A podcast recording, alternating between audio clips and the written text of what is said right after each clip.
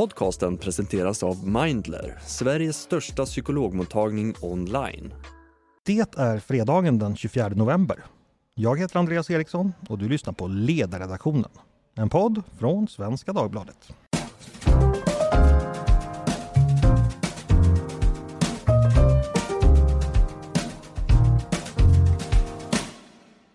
Varmt välkomna till oss till ännu en podd med Svenska Dagbladets ledarredaktion.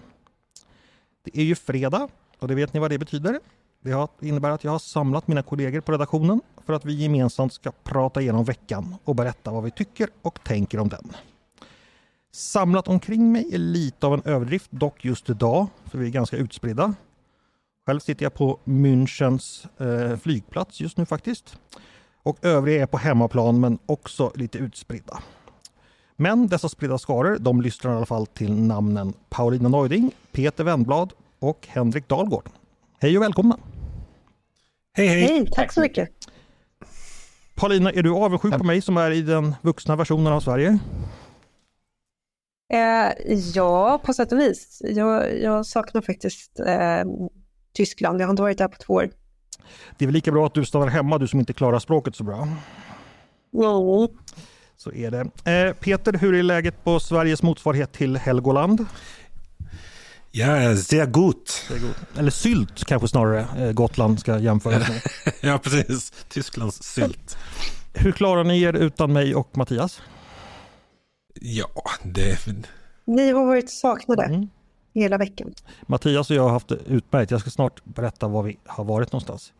Henrik, du är vår supersub som rycker in från sidlinjen när vi behöv, behöver det. Hur är läget med dig? Jo, men det, det är bra. Eh, jag hade 25-årsfest nu i, i helgen och jag måste säga att det, det märks att jag börjar bli väldigt gammal för jag är fortfarande lite sliten från det faktiskt. Men eh, jag är skrivbar, skrivbar idag i alla fall, vilket är skönt. Vem av oss ska berätta för honom om ja, gammal? Lilla vän, du vet inte vad som anar vad som väntar runt hörnet. Hörni, eh, vi drar igång med dagens ämnen. För när som helst kan jag bli avbruten av en högtalarröst som ropar upp gater och bagageregler. Eh, och då ska vi prata, eh, vi ska faktiskt börja med att rikta blicken mot oss själva. Och det är tyvärr inte så trevligt som det kanske låter. För det var ju nämligen så att vi i veckan publicerade en text som innehöll en uppgift som inte var sann. Eh, den var helt enkelt falskt, falsk. Och detta har uppmärksammats ganska mycket, såväl i vanliga medier som i sociala medier. Peter, vad, vad var det som hände? Ja, det som hände var att eh, vi nåddes av uppgifter att det handlade om det här mötet i Göteborg som Ulf Kristersson och Elisabeth Svantesson höll och som saboterades av högljudda demonstranter. Och vi nåddes då av uppgifter att en av de framträdande demonstranterna skulle vara en ökänd gängkriminell. Eh, och denna uppgift publicerade vi då. Inte namn, inget, inget, inget som kunde knytas till en individ, men just själva den sakuppgiften. Mm. Eh, och den visade sig pinsamt nog vara felaktig. Varför händer det här? Ja, det kan man resonera så här. Eh, medier gör, skulle jag säga, off, ganska ofta fel. Alltså eftersom vi hanterar så stora mängder information, hela tiden måste sortera och värdera, så händer det ibland att felaktigheter slinker in. Eh, det viktiga är ju då är att, vad ska jag säga, rätta det så snabbt som möjligt. Eh, och det var väl det som, eh, så här, det, var, det var en svårkontrollerad uppgift. Och därför skulle den inte ha eh, publicerats överhuvudtaget. Eh, det är väl slutsatsen. Ja, bara för att en sak är svårkontrollerad innebär ju inte att de inte ska vara kontrollerade utan då får man ju anstränga sig lite mer för att kontrollera dem. Eller så får man inte publicera dem. Det är väl regeln helt enkelt. Ja, precis. Och det som gjorde att det brast i det här fallet, eh, ja, det var lite olika faktorer, men det var väl kanske just det att det, det här var inte på något sätt ett huvudnummer. I, det var inte det här den här det, här, det var inte den här textens huvudsakliga ärende utan det var en, en bisak och en, en bisats. Och då brast det i, i disciplinen. Även om jag gjorde försök att försöka få den här uppgiften bekräftad genom bildjämförelse och sånt där. Men det räckte inte till. Hur allvarligt skulle du säga att ett sånt här fel är? Ja, men i sitt sammanhang blev det eh, allvarligt därför att på sociala medier så pekades ju den här påstod, det fann, den här filmen påstods då att eh, föreställa en känd gängkriminell. Så den filmen och i sociala medier så var det ju ett direkt utpekande och namngivande. Det fanns ju inte i vår text men i sitt sammanhang så det blev ju då indirekt utpekande. Så att jag har svårt att liksom värdera allvaret i vårt misstag. Men liksom på totalen så, så bidrog vi till någonting allvarligt. Några av de som ska, ska utvärdera allvaret det är förstås våra eh, läsare. Eh, hur tror du att eh, Svenska Dagbladets ledarredaktions trovärdighet och Svenska Dagbladets som helhets trovärdighet påverkas eh, när det gäller förtroende från, från läsare av en sån här sak? Eh, alltså jag tror att medier alltid påverkas negativt när man eh, publicerar felaktigheter oavsett var det, vilken plats i, det sker på. Eh, men men så här, det är någonting som, så här, även om man är noggrann och följer alla sina rutiner, det händer. Eh, och därför är det nästan, li, nästan lika viktigt som det är att inte göra misstag. Det är att liksom hantera misstagen på rätt sätt eh, när de uppstår. Det vill säga snabbt plocka bort osäkra uppgifter, liksom gå till botten med sanningshalten, publicera rättelse, allting sånt där för att liksom städa upp efteråt och minimera skadorna för utomstående. Har vi bett om ursäkt till personer som eventuellt har kommit i kläm här? Alltså vi har ju bett om ursäkt.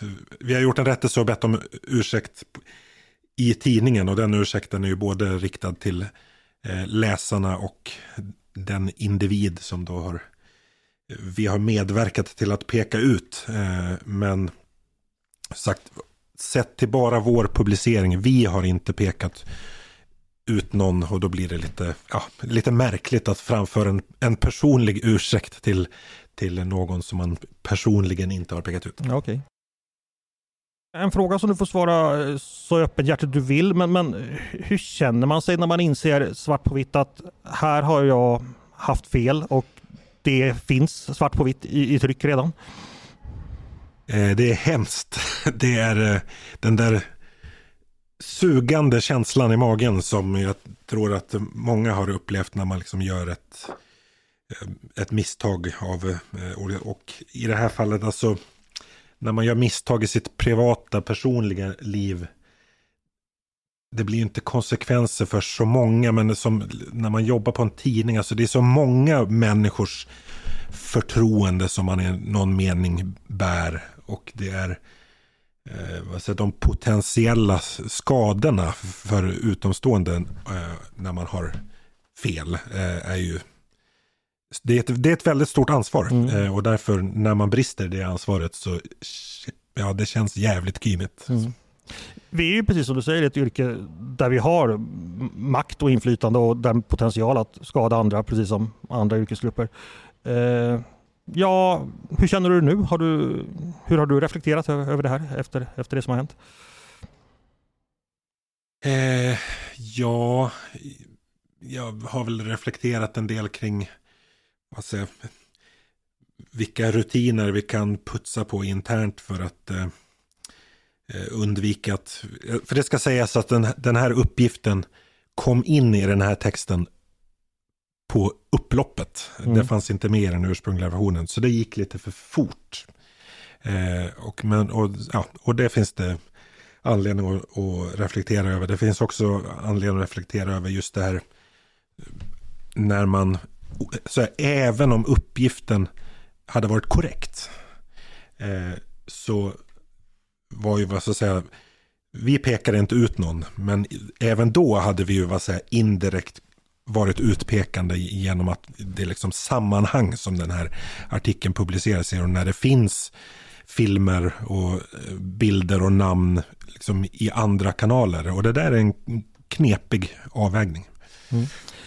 Jag förstår det. Jag, jag, ska inte eh, fortsätta tjata om frågor. Eh, Paulina, du har ju varit verksam som opinionsjournalist i, i ja, det är väl 15 år nu. Det har väl säkert hänt att du har gjort fel också en gång till annan. Vad, vad tänker du om just det här med rutiner och hur mycket man ska kolla och, och hur mycket hängslen och säkerhetsbälten man, man måste ha på sig? Ja, men det är precis så och speciellt när det, som Peter säger, när det går fort så måste man ha rutiner och när rutinen inte har funkat så måste man gå tillbaka till den och putsa på den. Mm. Det är ett jättestort förtroende man bär som enskild journalist och redaktör och som tidning och eh, det är vi förstås väldigt, väldigt måna om. Och har man gjort fel, då ber man om ursäkt och sen så försöker man göra bättre nästa gång. Mm. Det, det är det man kan göra och det är det vi kommer göra.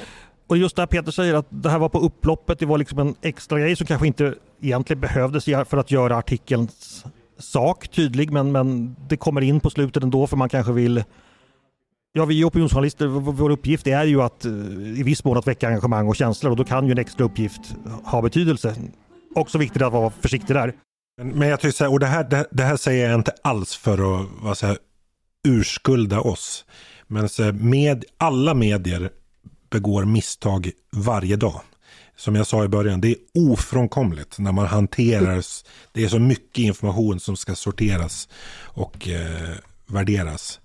Eh, så, att, men, så att det är minst lika viktigt som att man har rutiner för att minimera antalet misstag är att man har fungerande rutiner för att hantera misstagen när de ändå sker.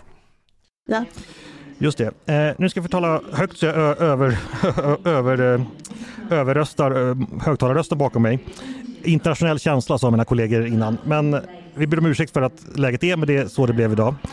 Jag ska kort berätta då att anledningen till att jag är i München är att jag och Mattias har besökt en konferens som Stiftelsen Fritt Näringsliv arrangerar årligen. Och I år var den alltså i München.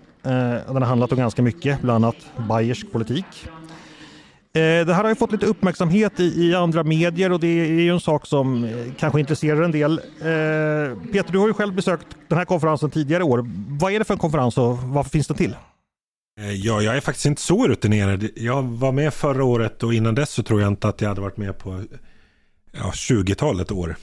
Eh, nej men det är ju den här stiftelsen Fritt Näringsliv som bland annat finansierar Timbro som har en, ja vad ska man säga, idéutvecklings... eh, konferens varje år med inbjud, inbjudna gäster från den borgerliga sfären i bred bemärkelse för att utbyta idéer och eh, erfarenheter och eh, diskutera. Eh, så att varje år så, så är det ju ett tema.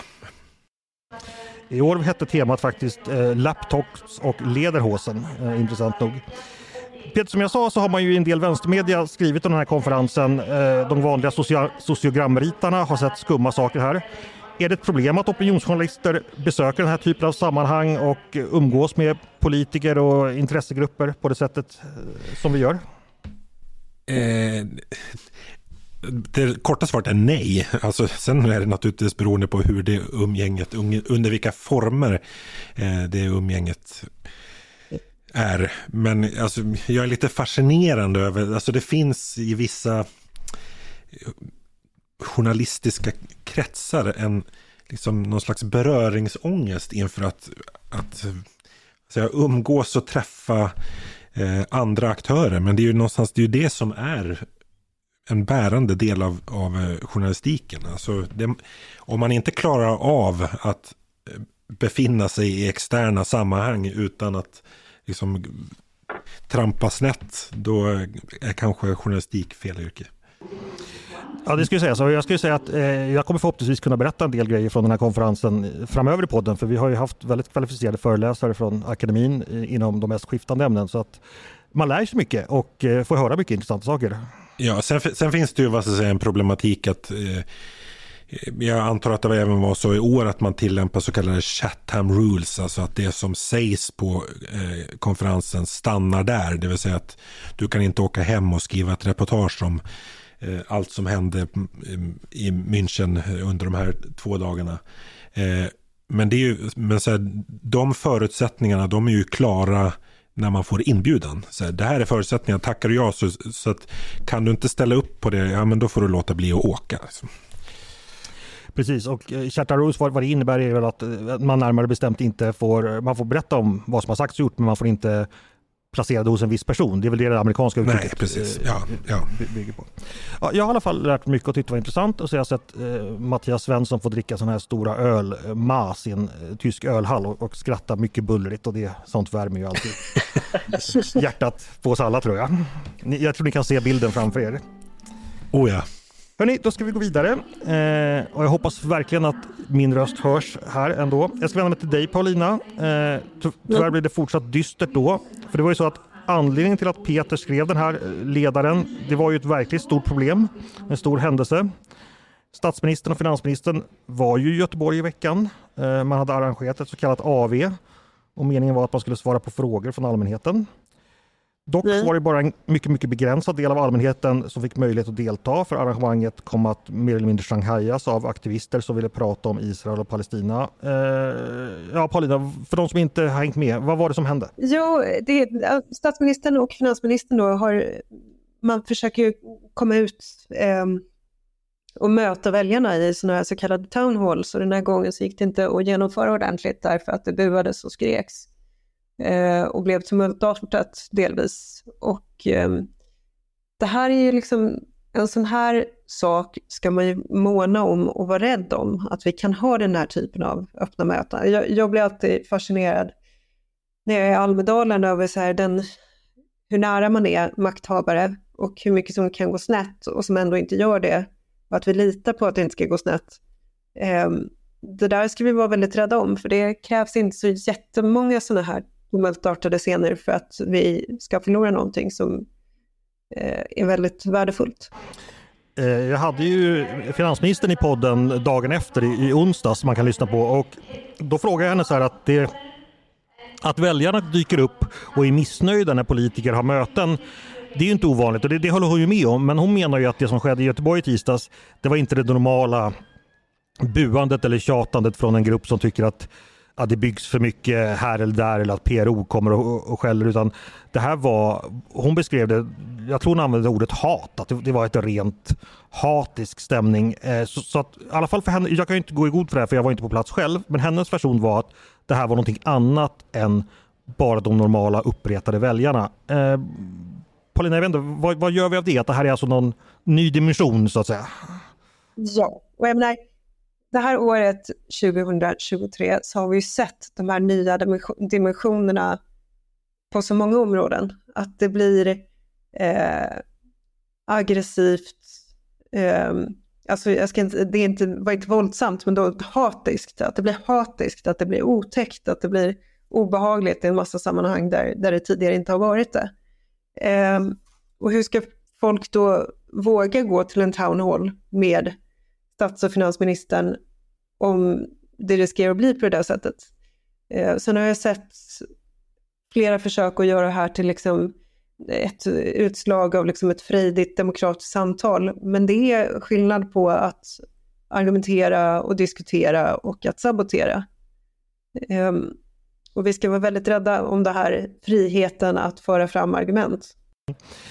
Peter, du har väl också bara sett- enskilda filmsnuttar från det här och, och hört vittnesmålen. Men vad, vad är din bedömning? Hur mycket ska politiker så att säga tåla i ett normalt sammanhang och när går slår det över till någonting annat? Och vad var det vi såg i veckan i Göteborg? Vad har du för tankar om det? Man ska självklart tåla eh, kritik och man ska tåla ha ganska hög tolerans för liksom missnöjesyttringar. Men det, det måste någonstans ske under ordnade former. I det här fallet var det ju dessutom så att det var så här, Ulf Kristersson och eh, Elisabeth Svantesson som hade, hade bjudit in till, alltså gav allmänheten möjlighet att komma och eh, ställa frågor. Och då är det ju någonstans de som får alltså, sätta ramarna eh, för det här. Det hade varit en annan sak om de hade kom, varit på ett studiebesök någonstans. Eller, eh, så, det.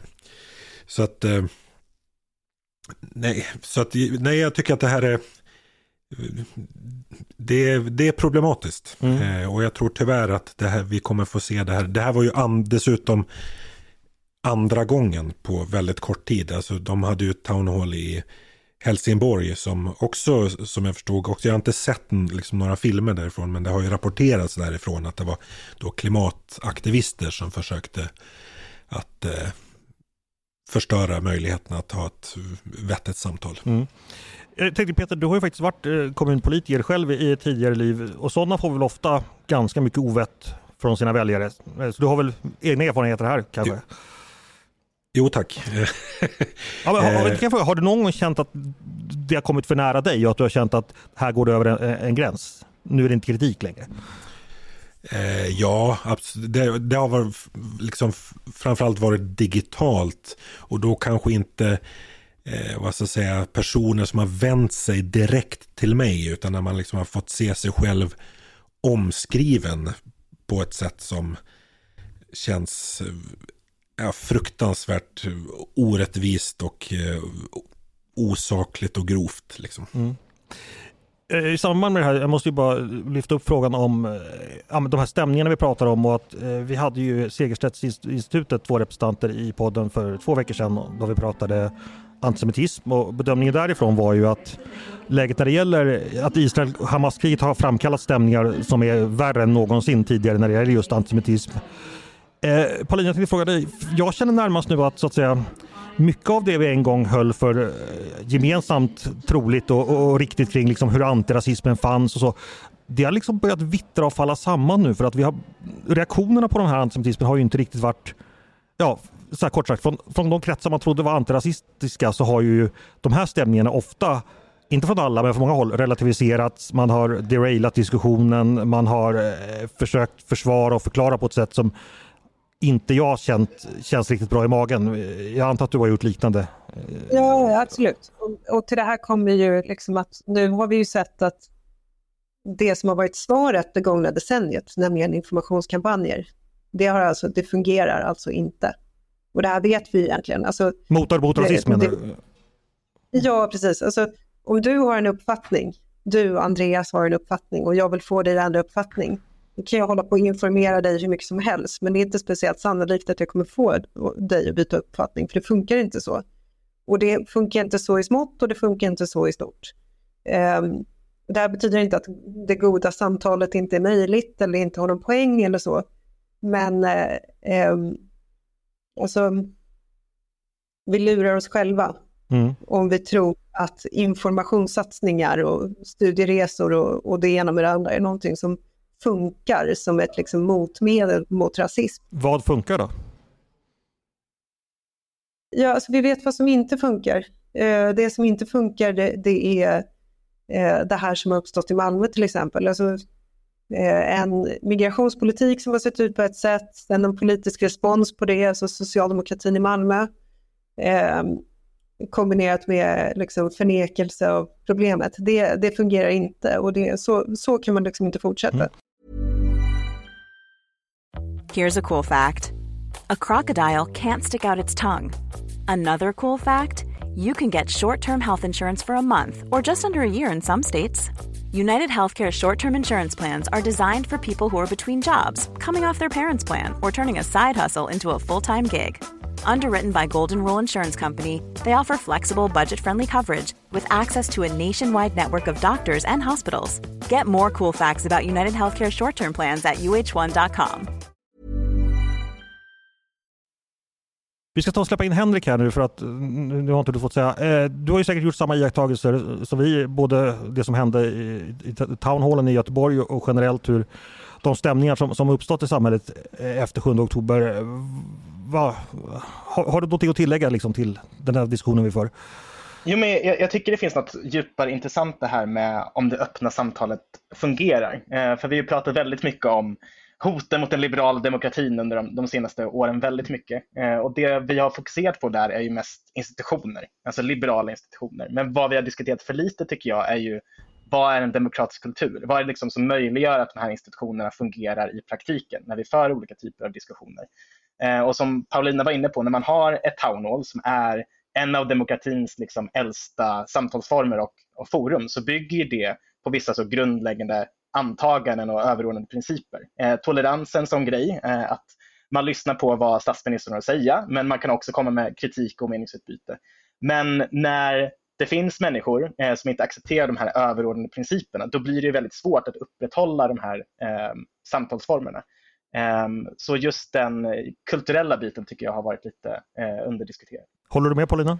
Absolut. Man tänker att det är så mycket som går att lösa på politisk väg genom olika politiska satsningar och, och, och sådär. Men det handlar ju om att människorna som möts i den där townhallen är överens om, om vissa grundläggande saker, om hur vi pratar med varandra, hur vi når politisk förändring och så vidare. Mm.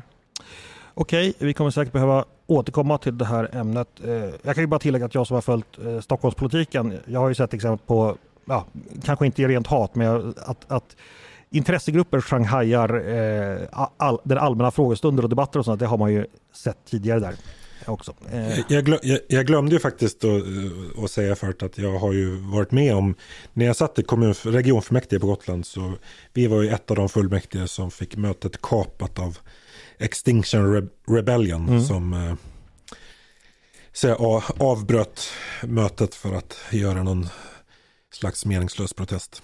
Ja, så kan det vara. Eh, hörni, vi ska gå vidare. Henrik, det går jag till dig. Jag tänkte att du som är ung och rask, du ska få prata AI, för jag har hört att ni, ni ungdomar tycker det är kul.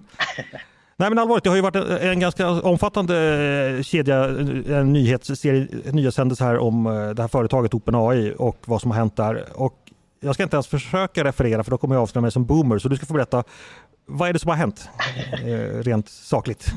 Um, nej men det är väl, eh, techvärlden brukar ju bjuda på eh, dama drama och, eh, drama och snabba förändringar, men det här har varit så dokusåpenivå på, på den senaste veckan.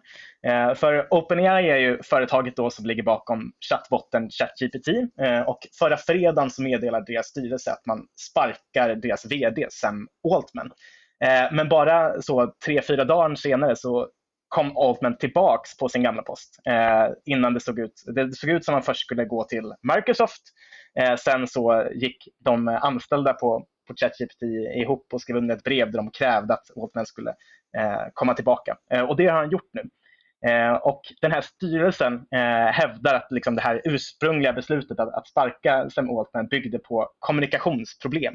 Eh, men det har väl skrivits mycket och eh, diskuterats en del och framförallt ryktats en del om att det här är mer djupgående konfliktlinjer eh, i synen på AI eh, som delar dels eh, OpenAI men också Silicon Valley i stort. Ja, och vad är det för konfliktlinjer? Vad, är det för säga, ideologiska positioner man har kring framtidens AI som, som de olika lägren representerar? Mm. men man brukar just dela upp de här eh, konfliktlinjerna i, i, två olika sidor eh, och beskriva dem som doomers och boomers, eh, har jag läst mig till i alla fall.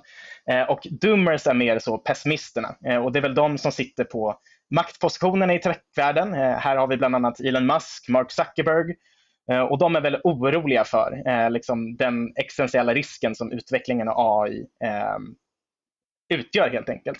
Eh, och de brukar förorda regleringar och, och försiktighet och, och så vidare. Sen på den andra sidan så har vi då optimisterna i form av boomers, eh, där väl jag finns undertecknad eller vad man ska säga. Eh, och de vill påskynda teknik teknikutvecklingen eh, och brukar påtala så faran med regleringar och att man snarare vill ha ökade kommersiella inslag i utvecklingen av AI eh, så att den här tekniken ska göras tillgänglig för så många som möjligt så, så snabbt som möjligt och så vidare. Och det är väl just den, den här sista eh, eh boomers då, som eh, som har eh, möjliggjort eller så, skapat den här konflikten på OpenAI. Eh, för OpenAI var från början ett icke vinstdrivande företag, men nu upplever många eh, i styrelsen då i alla fall att Sam Altman har gått lite för snabbt fram i utvecklingen av olika produkter och att han har släppt ut dem på marknaden för fort istället för att göra grunda säkerhetsanalyser. Och de här doomers, är de helt enkelt rädda för att det som hände i Terminator, att Skynet blir medvetet och förklarar, alltså att det, det utgör en fara för oss människor om tekniken rullar på för snabbt. Jo, men precis. Att uh, om man skulle då skapa AGI som det heter, eller uh, generell artificiell intelligens, uh, att det finns en otroligt stor risk att vi skapar en helt ny art som är smartare än oss människor och att det kan få ganska stora konsekvenser för, för mänsklighetens överlevnad. Och den här konflikten då, vem vann eller vilka, hur slutade den? Vet vi det? det får man väl säga att eh, Sam Altman och eh, Boomers vann ändå, eh, eftersom han nu är tillbaka på, ehm, på OpenAI. Och jag, alltså jag personligen tycker ju att det är på grund att det är bra. Eh, för de senaste åren så har ju de som har dominerat hela debatten om AI är ju de som är mer pessimister och de som är regleringsivrare. Eh, vad jag tycker är intressant att de som ropar högst på regleringar är ju oftast de som sitter på maktpositionerna på de stora techföretagen. Eh, och jag betvivlar absolut inte att eh, typ Elon Musk och Mark Zuckerberg bryr sig om eh, AI som en eh, kulturell och eh, ett existentiellt hot. Men det finns ju också en aspekt av att ökade regleringar möjliggör att de sitter kvar på maktpositionerna och att de, det inte släpps in nya konkurrenter på, på marknaden. Eh, så jag tror att det är någonting man måste hålla i huvudet när man eh, hör de här personerna ropa på, på regleringar av AI också. Peter, är du, är du doomer eller boomer? jag tycker att det... Eh, jag, jag, har inte valt sida ännu, men jag, jag tycker att det, det, är, det är väldigt svårt att orientera sig i AI-diskussionerna. Alltså dels att få ett tydligt grepp om vad, av vad säger, AIs olika dimensioner eh, och liksom sortera upp vilka som är de både liksom principiella och praktiska eh, frågeställningarna som man behöver ta ställning till. Mm. Vi kan ju avslöja att vi har faktiskt lite på redaktionen eh, börjat arbeta lite med AI. Vi kommer berätta om det. Tove kommer berätta om det i ett kommande avsnitt. Peter, du var ju ganska missnöjd att AI skriver väldigt dåliga rubbar. ja, alltså nej, det, jag gjorde många försök och gav feedback men det blev otroligt lamt. Och det blev aldrig så bra som att eh, när du rubbade Lena Anderssons text i våras. Eh, Hungra barnen är det föräldrarnas fel. Nej. Dit kom inte AI helt enkelt. Nej, det gjorde det gjorde inte. Det, där är det en bit kvar. Eh, Paulina, eh, du står väl på boomersidan, är framtidsoptimist när det gäller AI antar jag? Nej, verkligen inte. Nej, det, det, det är skärmar inblandat. Hörni, eh, tack för det Henrik för den orienteringen. Eh, det är bra ungdomar på redaktionen. Eh, vi ska gå vidare. Vi och, kör lite hö- vi, vi, vi sa aldrig grattis på 25-årsdagen till Henrik. Vi började bara säga att du var så ung och så. Ja, just det. Grattis, grattis på 25-årsdagen. Tackar så mycket. Nu är det utför. Hörni, nu ska vi hålla... Nej, det gör det inte. Eh, för oss går det däremot utför. Eh, jag, ska, jag ska snart på vårt plan här så vi får hålla lite högre tempo än vanligt. Men nu ska jag gå vidare till Peter. För jag tänkte utgå från mm. en text som du skrev i veckan. Det här kommer mm. sluta med härdsmälta, löd rubriken. Den syftade då mm. inte på dina ambitioner att skriva en text om protesterna i Göteborg, utan någonting helt annat. Eh, vad? Ja, att Daniel Heldén, Miljöpartiets eh, nya språkrör, gjorde klart att Miljöpartiet inte kommer sitta i inte sätta sig i en regering och inte sitta kvar i en regering som, eh, som bygger ut kärnkraften eller om Socialdemokraterna vill bygga ut kärnkraften. Okej, och är det här en så stor och, grej? Ja, det, det, blir en stor grej för Socialdemokraterna i alla fall. Alltså i den meningen att Miljöpartiet förutom den principen också har en annan princip, nämligen att rösta nej till alla regeringar som de själva inte sitter i. Eh, så att här ställs det, så man får liksom betrakta det som ett ultimativt krav från, från Miljöpartiet att eh, blir det en rödgrön majoritet efter nästa val då får Magdalena Andersson om det är hon som är partiordförande då, välja mellan statsministerposten eller eh, kärnkraften. Ja, här ska det då sägas att så här, ja men nästa fråga kanske blir, är Socialdemokraterna verkligen för att bygga ut kärnkraften? Eh, de har ju inte riktigt eh, varit så tydliga i den, den frågan, men jag, jag har väldigt svårt, de har, jag är väldigt svårt att tro att de inte är på väg att landa där. Nej, för vad de tidigare sagt är ju att eh, visst är man för ny kärnkraft ifall eh, någon vill bekosta den, men eftersom eh, Eh, de är goda marknadsekonomer eh, så låter de vara som det är och man vill inte ställa ut garantier och krediter för det skulle vara planekonomi och, och, och som i Sovjet så vidare. Det är ju den argumentationslinjen, du tror att man kommer överge det och, och också mer inse att staten kommer behöva spela en viss, viss roll? Ja, så jag tror att alla partier kommer eh, överge den och är på god väg, eller en del har redan gjort det. Alltså den här den föreställningen att vad ska jag säga, marknaden, så här, politiken har fattat ett beslut om att ställa om Sverige på, ett, på ett, några decennier. Eh, och en bärande del är då elektrifiering och ett förmodat stort ökat eh, elbehov. Men alltså energiföretagen, de kan inte fatta investeringsbeslut i den här storleksordningen på spekulation. Alltså det måste finnas eh, en, någon slags riskdelning därför att det, annars kommer inte det här att, att hända eh, om man ska hålla den politiska tidtabellen. Mm. Eh, du skriver ju också i texten att det här är ett av problemen Magdalena Anderssons regeringsunderlag har. Eh, bara för skojs skull, vilka andra tror du är av samma magnitud och kaliber?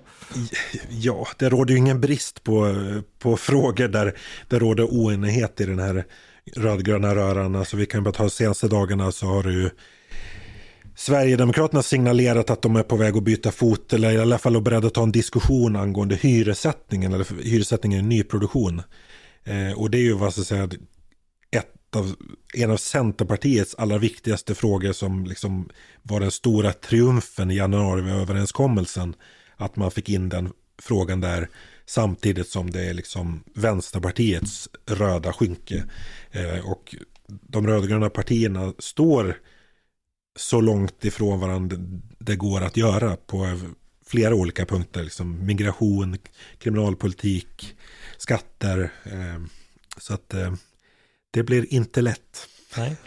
Eh, Henrik, eh, Centerpartiet, Vänsterpartiet, Miljöpartiet, Socialdemokraterna är ju då, utgör ju oppositionen och det alternativa, eh, ja, regeringsalternativet helt enkelt.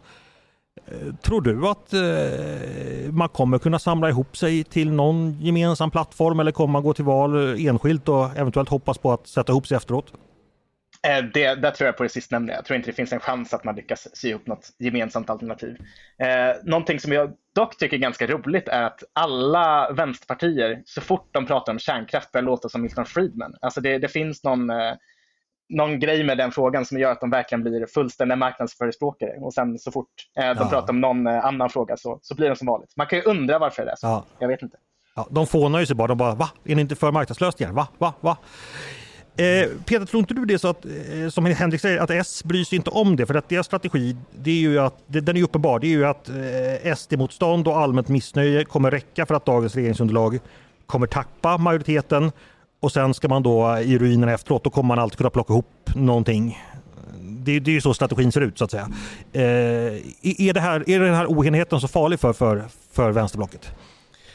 Nej, jag tror att det går att vinna val eh, utan ett mer omfattande politiskt program än att vara emot den nuvarande regeringen. Men man, problemet med att vinna val är att man också måste regera. Och då finns det inget program. Alltså det, var, det var det min rubrik syftade på, alltså att det här kommer sluta med härdsmälta. Alltså så här, man kan... Det finns så lång historisk erfarenhet av att här, man kan inte sätta sig vid regeringsmakten tillsammans utan att åtminstone ha ett skelett till, till vad säger, reform, gemensamt reformprogram eller åtminstone liksom har enats i viktiga principer. Alltså även om den nuvarande regeringen, tidöavtalet förhandlades fram liksom efter valet så, fanns, så hade det ju pågått en process under längre tid där de partier som nu ingår i regeringssamarbetet hade liksom jämkat sig i, i olika frågor. Så att eh, det här var ju ett jätteproblem redan i den förra rödgröna regeringen att, att bara Miljöpartiet och Socialdemokraterna stod så långt ifrån varandra. Och om det nu ska vara då någon slags eh, samarbete mellan fler så är det ju Ja, det blir ju januariöverenskommelsen i kubik. Liksom. De får väl hitta något slott att låsa in sig på en helg eller en vecka eller en månad tills de, tills de är överens. ja, de kommer få sitta där länge. Ja, eh, jag ska passa på att säga så här att för några veckor sedan så efterfrågade jag respondenter till en lyssnarundersökning eh, vi skulle ha.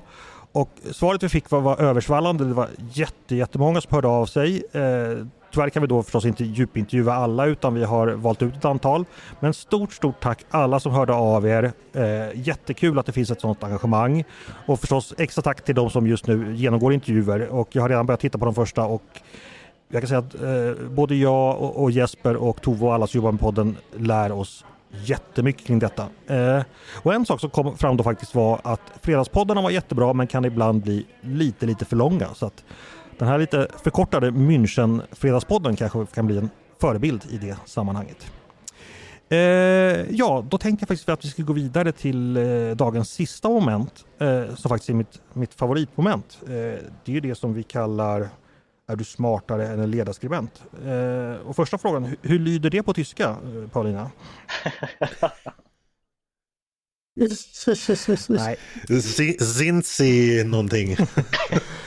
Eh, nej, det, det, är ju så här att eh, eh, momentet heter ju Är du smartare än ledarskribent? Eh, som ni säkert känner till vid det här laget. Men för nytillkomna lyssnare ska jag kort förklara vad det går ut på.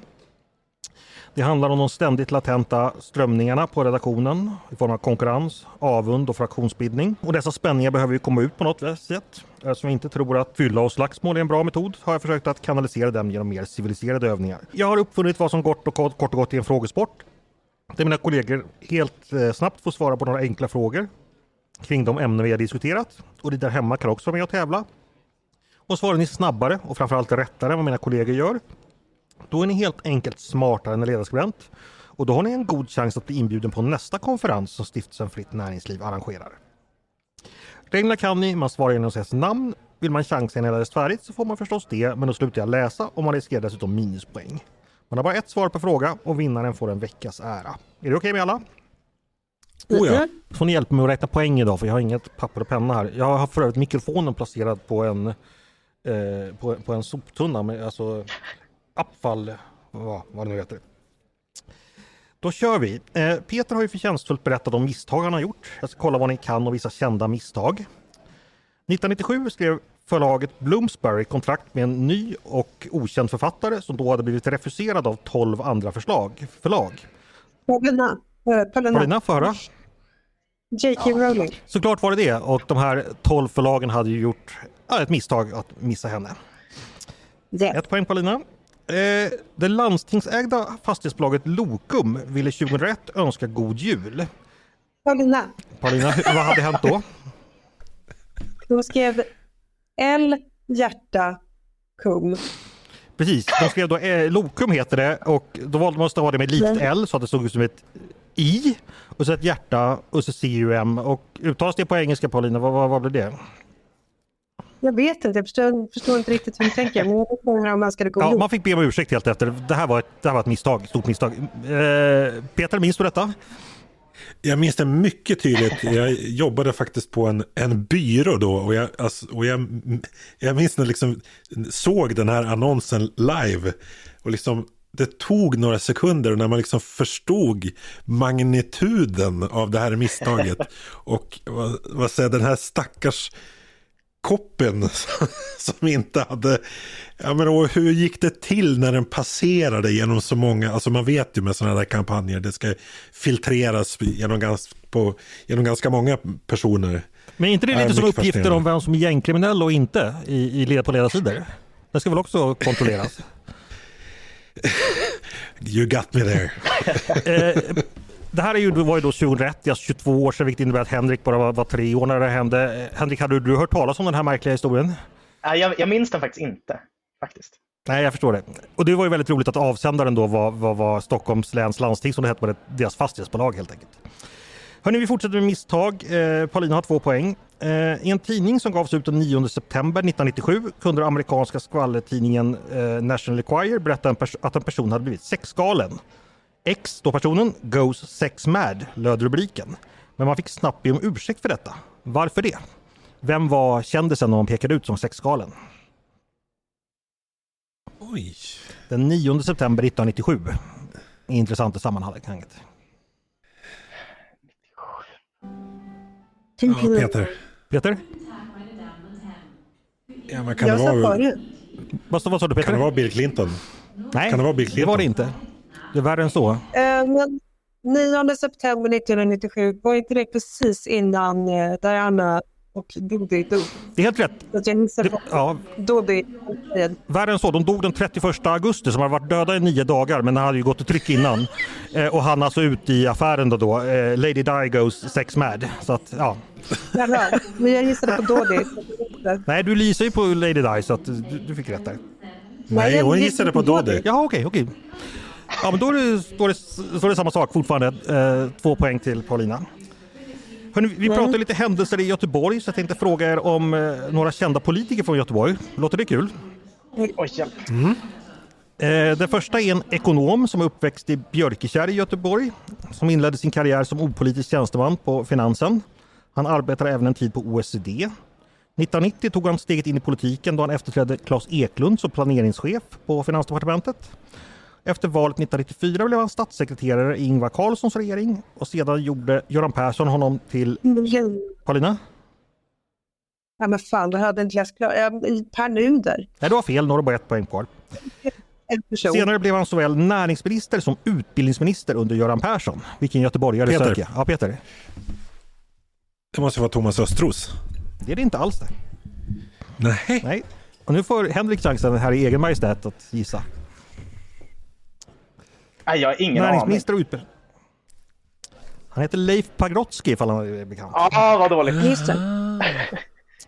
Nästa göteborgare kommer från Bergsjön. Hon arbetade i socialtjänsten i staden och engagerade sig fackligt inom Kommunal. Ett förbund som hon 2008 blev andra vice förbundsordförande för. 2014 utsågs hon till socialförsäkringsminister av Stefan Löfven. Vem är det? Henrik. Peter. Ja. Det är Annika Strandhäll. Det är det. Snyggt. Nu har du också ett poäng. Hörni, en göteborgare till som är född i Örgryte. Ursprungligen yrkesofficer, senare doktor i statsvetenskap. Moderat parti, partisekreterare och sedan under hela 18 år mellan 1981 och 1999 Moderaternas första vice ordförande. Vem är detta? Peter. Paulina var fast snabbast. eh, von Sydow. Nej, det är det inte. Peter? Peter. Ja. Jonny Magnusson. Nej, det är det inte heller. Nej. Peter, det här trodde jag skulle kunna. Det här är ju verkligen legendar. Ja. Henrik, kan du? Nej. Ju hos... Äh, vet, Lars Tobisson heter han. jag tar tillbaka allt jag har sagt de senaste... Eh, Paulina och Peter ett poäng var. Eh, vi fortsätter för nu är det, nu tror jag de pratar om, ja, jag är ju ändå inte i den gruppen som får gå på, på först, jag får gå på sist som vanligt. Så att. Hörni, det är ju Black Friday idag. Den svarta måndagen 1987, vad syftar det på? Peter. Peter? Börskrasch. Ja, helt rätt. Börskrasch. New York-börsen fall, föll med 22,6 procent. Det största kursfallet på en dag någonsin. Två poäng för dig. Eh, svart förkortas ju K i den subtraktiva färgmodellen CMYK. Men vad står K för mer exakt då? Ja, det betyder ju black, men K, K betyder ett ord. Oj. Ni är ju gamla printmänniskor, i alla fall Paulina och Peter. Ja, det här är ju en sån där som man har liksom förkortning man har sett tusen gånger. Mm, Det är ju cyan, magenta och yellow. Och, och så är det då black. Nej, det, det är väldigt svårt. Det står för key. Mhm. Eh, några som hade svarta of, of, uniformer, det var SS. Vad står SS för? Karolina? Sturmstaffel. Förlåt, en gång till. Sturmstaffel. Nej, det gör det inte. Peter. Peter? Schutzstaffel. Ja, det var helt rätt. Ja, det, Gick, det blandar ihop två stycken där. gick du upp på tre poäng. Hörni, jag är ju i München på den här väldigt viktiga och hemliga konferensen. Eh, så vi avslutar med några frågor om München och Bayern. Vad heter det kristdemokratiska partiet i Bayern? Karolina. Paulina? CSO. Det gör det verkligen. Genau. Ja. Eh, två poäng är du uppe på då. Bayern är ju ett av de förbundsländer som bildar förbundsrepubliken. Hur många förbundsländer finns det? Oj. Schleswig-Holstein, Hamburg, Bremen. Du börjar, du börjar rabbla. Henrik. eh, Henrik? Åtta. Nej, det gör det inte. Det gjorde det inte ens förr i tiden innan återföreningen.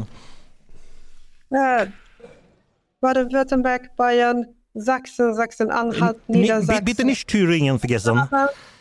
Eh, Sachsen-Anhalt. Thüringen, Hessen, eh, 12. 12? Nej, det gör det inte. Peter, du får sista chansen. Eh, 15. Nej, det finns eh, 16. Förut fanns det 10 så dök det upp sex Neue Bundesländer. En sista fråga där Paulina har chansen att gå ikapp och det är vilket år gick OS i München? Peter. Karolina. Peter var först. Nej, jag var först. 1972. Grattis Peter, det där tog du hem. Snyggt! Yes! Nej, jag- Jag sa före Peter. Och eh, som du gör det, alltså du slår ju Paulina på hennes hem- hemmaplan. Alltså du, du, du, du krossar henne i hennes eget spel. I hennes eget I land. hennes eget land. Men alltså, ja. Paulina, vi- jag inte jag poäng för det där med Dodi? Och jag sa före Peter. Det var ju du själv som Men- inte men- ville ha poäng. Men, jag, men jag, kan, jag kan säga Paulina att det, det spökar det här när, man, när vi sitter på olika ställen. För jag har Ja. hört flera gånger att jag har sagt först. Men det, det är när Jag- signalen når Andreas som räknas. Ja, det, det är, Jag vi, vi, vi går på München-tid här. Tyvärr. Jag kan känna att jag fortfarande vann. Ja, det tycker jag du ska känna i ditt hjärta Paulina. Och så tar du med dig det och berättar det för, för, för alla eh, ja, vänner som är intresserade helt enkelt. Mm, precis. De, de vännerna kanske, kanske till och med ordnar en liten fest för dig ikväll. Men vi, vi kan säga så här Pa- Paulina, du får en guldstjärna för CSO. Att du hade det där Ja, tack så fina. mycket. Tack. Hörni, det var som jag brukar säga, eh, ja, fan vet, tror ni jag hinner springa iväg och köpa en flaska gin? Det kanske jag gör. Eh, Det var allt jag hade att bjuda på idag. Eh, Det det var lite kortare än vanligt men komprimerat. Jag tycker vi hann med bra saker. Eh, Så stort tack Peter, Henrik och Paulina för att ni var med idag. Tack så mycket. Tack så mycket. Bitte. Bitte. Eh, och stort tack också förstås eh, till er som har lyssnat. Och eh, återigen beklagar vi lite att ljudkvaliteten inte är den bästa idag och att ni fått höra en del upprop om GPEC och sånt där. Men så där är det ibland när man åker på viktig konferens.